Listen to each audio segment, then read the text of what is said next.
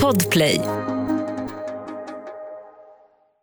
Redan nu kan du lyssna på samtliga avsnitt från den här säsongen på plattformen Podplay.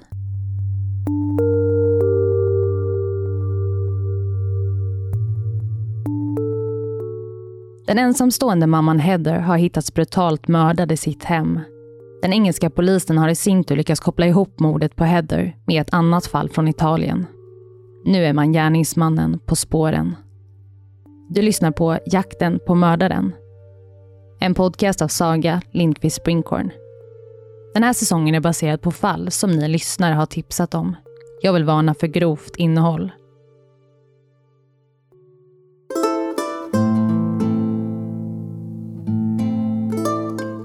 Eliza hade försvunnit år 1993 efter att ha träffat Danilo i en kyrka i Italien.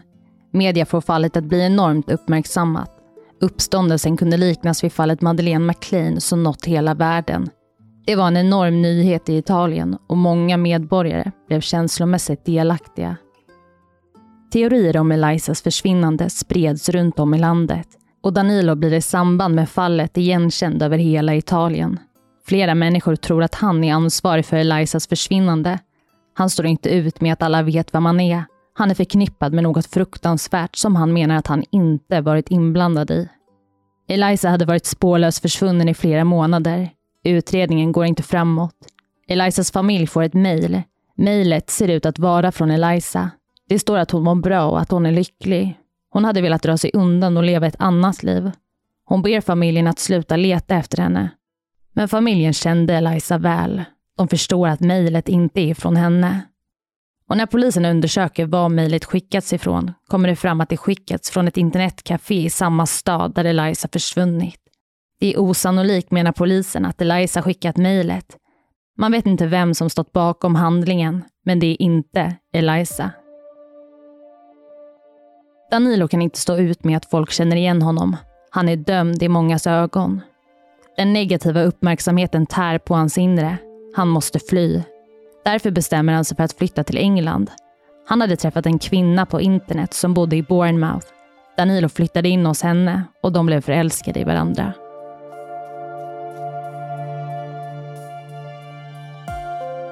Okej, så nu vet polisen att Danilo varit inblandad i ett annat fall i Italien 1993. Men han är inte dömd för Elizas försvinnande. Men den engelska polisen måste nu ha koll på Danilo. De tror verkligen att han ligger bakom dådet på Heather. Men man har inte tillräckligt än för att sätta dit honom. Och det här är ett ganska smart drag av polisen, för hade man tagit in Danilo redan nu och anklagat honom för mordet så hade han antagligen vunnit i rätten. För allt bygger ju egentligen bara på en teori som polisen har, även om de tycker att den teorin är väldigt stark. Men det räcker ju inte, det behövs bevis. Och det är nu 2004 och mordet på Heather hade skett för cirka ett och ett halvt år sedan. Han har ju sagt att han varit på en IT-utbildning under tiden för mordet och dessutom visat upp en lapp från bussen som han åkt den morgonen. Men utredarna tänker att Danilo kanske bara har åkt en station för att få just det här alibit, den här bussbiljetten. Polisen åker till platsen för Danilos utbildning och på utbildningen finns det en loggbok där eleverna skriver in sig varje gång de kommer. Man skriver då en tid för när man kommit dit och så skriver man sitt namn. Och man kan nu se att samma datum som Heather mördats, den 12 november 2002, så har Danilo mycket riktigt varit på platsen. Men man kan se att någon justerat tiden. Det har stått en viss tid och vid ett annat tillfälle måste någon ha ändrat tiden och skrivit över den korrekta tiden. För i loggboken står att Danilo kommit dit klockan nio på morgonen, men det som står under är något annat. Polisen vill nu undersöka om Danilo verkligen åkt buss den där dagen och det gör man med hjälp av en kamera vid busstationen. Men den här kameran som filmar utanför busstationen har väldigt dålig upplösning och det är svårt att se några exakta detaljer utan det är mer skepnader av människor och bilar och så som åker förbi. Men polisens teori om att Danilo kanske bara åkt en station för att sedan gå tillbaka till Heathers hem endast för att ha alibi kan stämma. För när man tittar på filmupptagningen från den här dagen då Heather blev mördad och runt samma tid då man tror att hon blivit mördad så kan man se en man som går förbi med en huva över huvudet. Och man tror att det rör sig om Danilo, men man kan inte helt och hållet veta på grund av kamerans dåliga kvalitet. Vi går vidare. Det har gått två år sedan Heather mördades. Utredningen är fortfarande i full gång. Civila poliser övervakar nu Danilo dag in och dag ut. 24 timmar om dygnet. De är med honom överallt. Men Danilo verkar bete sig normalt. Det är inget som sticker ut. Man vill göra mer. Man måste, måste få fram bevis. För polisen tror till 100% att de har rätt man framför sig. Danilo kallas in på förhör, men förhöret i sig är inte det intressanta. Samtidigt som Danilo är på förhör är det tekniker och poliser inne i hans lägenhet. Man sätter mikrofoner i hela hemmet och hans bil. Allt är på plats och Danilo återvänder snart hem. Han och hans sambo verkar leva ett normalt liv. Det har gått hela två år sedan mordet och antagligen hade samtalet kring mordet mellan Danilo och hans sambo lagt sig för länge sedan om det nu var så att Danilo varit inblandad och hans sambo visste om det. Polisen måste göra ytterligare insatser. Och något som media inte vet än är att polisen kopplat ihop fallet med Eliza i Italien från 1993 med Danilo sedan flera månader tillbaka. Och nu när de avlyssnade Danilo och dessutom spanade på honom 24 timmar om dygnet kanske media skulle kunna hjälpa dem. Om media gick ut med information om att fallet kunde vara sammanlänkat kanske Danilo skulle reagera. Det kanske skulle få honom att prata om händelserna och vidare ge polisen värdefull information för att sätta dit honom. Polisen läcker informationen till media. Media i sin tur går ut med nyheten. Polisen lyssnar på Danilo och hans sambo och sambon tar upp det hon sett på nyheterna. Men Danilos reaktion blir inte så som polisen förväntat sig. Danilo reagerar knappt på det sambon säger. Polisen får trampa vidare. Man fortsätter trots allt att övervaka Danilo och ändå sker något märkligt.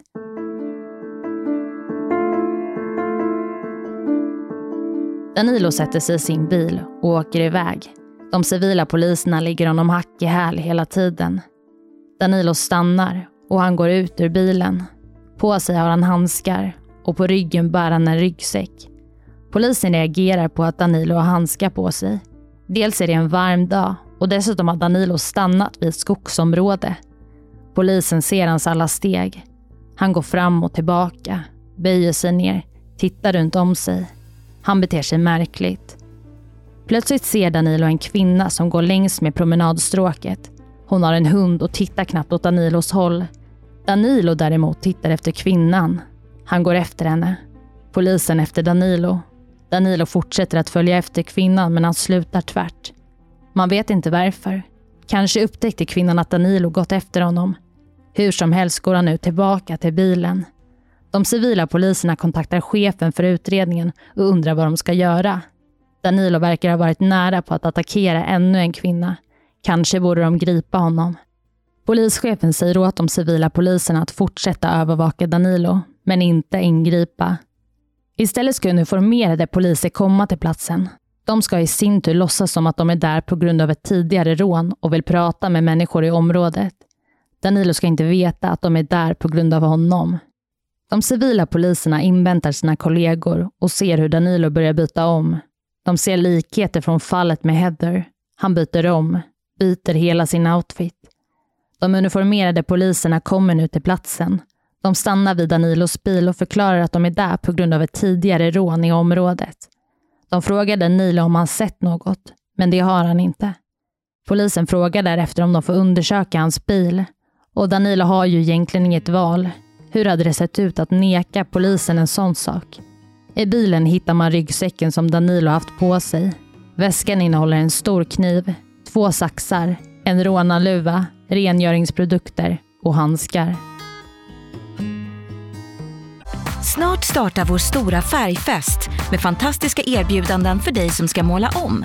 Kom in så förverkligar vi ditt projekt på Nordsjö Idé och Design. Ja, det man hittar i bilen är ju inte direkt till Danilos fördel. Och här hade man ju eventuellt kunnat gripa Danilo. Men man vill inte röja utredningen. Man är så nära men ändå så långt ifrån att ta fast honom. Så polisen fortsätter att lyssna och spana och en dag så hör man faktiskt något under en sexuell akt mellan Danilo och hans sambo. Under den här akten så förstår polisen att Danilo har en fetisch för hår. Och som ni vet så hittas Heather med en bit avklippt hår i handen och hon har också fått delar av sitt eget hår avklippt. Så återigen är det inget bevis men ändå en pusselbit på vägen för polisen. Och under spaningens gång har man också sett att Danilo på bussturer suttit bakom kvinnor och klippt av bitar av deras hår. Det har hänt flera, flera gånger och de här kvinnorna har inte märkt att han klippt av en bit av deras hår. Och som ni hör så kämpar ju verkligen polisen för rättvisan i det här fallet. Man lägger så mycket resurser på hela utredningen och åren bara går. 2008 så har det gått sex år sedan mordet och då kan man ju också tänka sig hur familjen mår. Ingen vet vad som hänt. Terry, den tidigare 14-åringen, son till Heather, är 20 år gammal och Caitlin är 17 år. Och ingen vet vad som hände den där dagen för sex år sedan. Helt, helt fruktansvärt. Men nu sex år senare så tar en ny polis över utredningen. Och vad säger han då? Jo, man ska göra allt igen. Man ska undersöka alla föremål som samlats in och så vidare. Det är en enda kamp för polisen, men nu sex år senare har den tekniska utvecklingen kommit längre. Och det man vill göra i första hand är att hitta personen vars hår Heather håller i handen. För den här hårbiten som hon höll i handen var ju inte hennes egna hår. Och det man nu gör är att analysera håret. Hår kan nämligen berätta ofantligt mycket om våra liv, vart vi befunnit oss, vissa saker som vi har ätit och så vidare. Så det är experter som utreder det här håret. Och sjukt nog, måste jag ändå säga, kan man följa denne person vars hår klippts av genom bland annat kemikalier i håret. Personen bodde i England och hade varit i Spanien två månader innan håret klippts av. En månad senare hade personen varit i Florida och därefter åkt tillbaka till England. Och det är helt galet att man kan ta reda på allt det här genom några hårstrån faktiskt. Men nu vet man ju att den här personen rest till Spanien och sen Florida och vidare tillbaka till England. Så polisen ser ljust på det här. Man kan nog hitta personen ändå.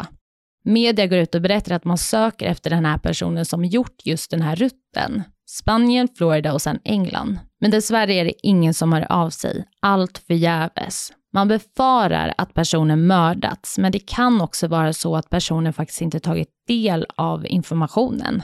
Kanske inte vet att någon söker efter hen. Och än idag, flera år senare, så vet man faktiskt inte vem håret tillhört. Och innan vi går vidare vill jag bara säga att om du vill se bilder från dagens avsnitt så kan du göra det på min Instagram där jag heter Saga Springcorn. Vi går vidare.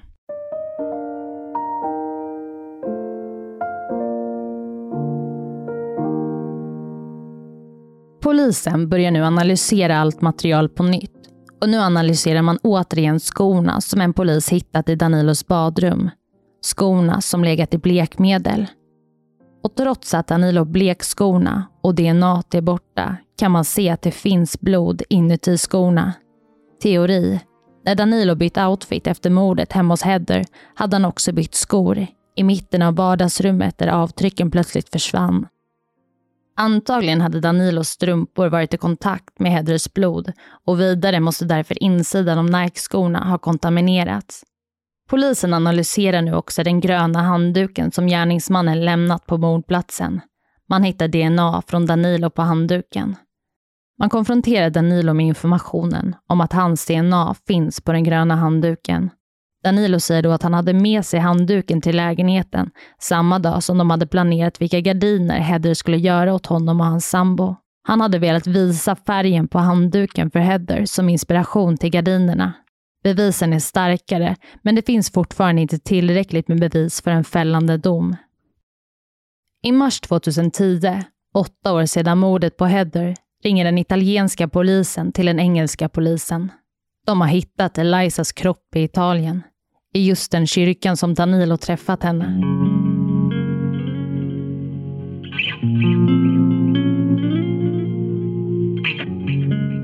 Kyrkan skulle renoveras och några byggarbetare hade hittat kvarlevor från Eliza i ett vindsförråd. 17 år senare hade man äntligen hittat den försvunna flickan. Nu kan man undersöka närmre om fallen har kopplingar till varandra.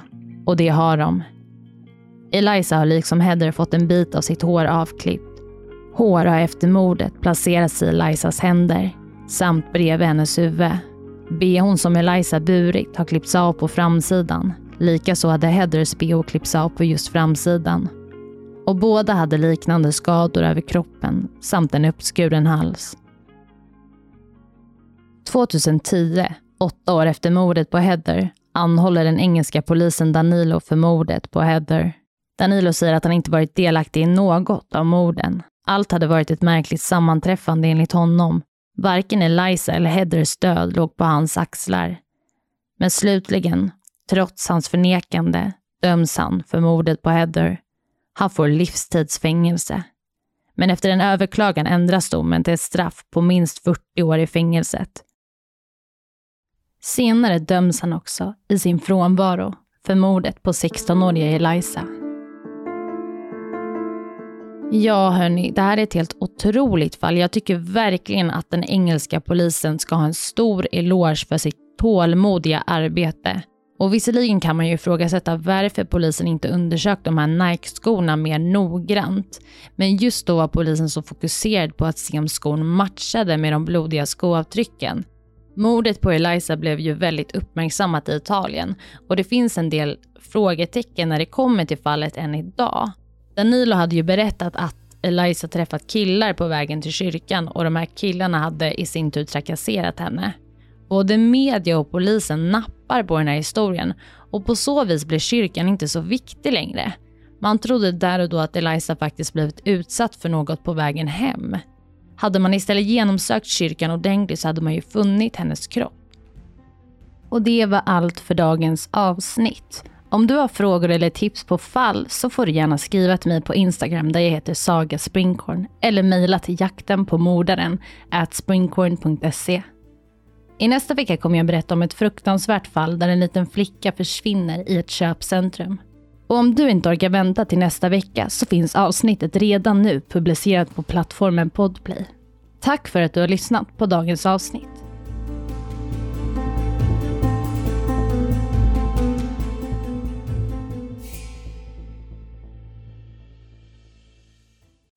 Snart startar vår stora färgfest med fantastiska erbjudanden för dig som ska måla om. Kom in så förverkligar vi ditt projekt på Nordsjö Idé och Design.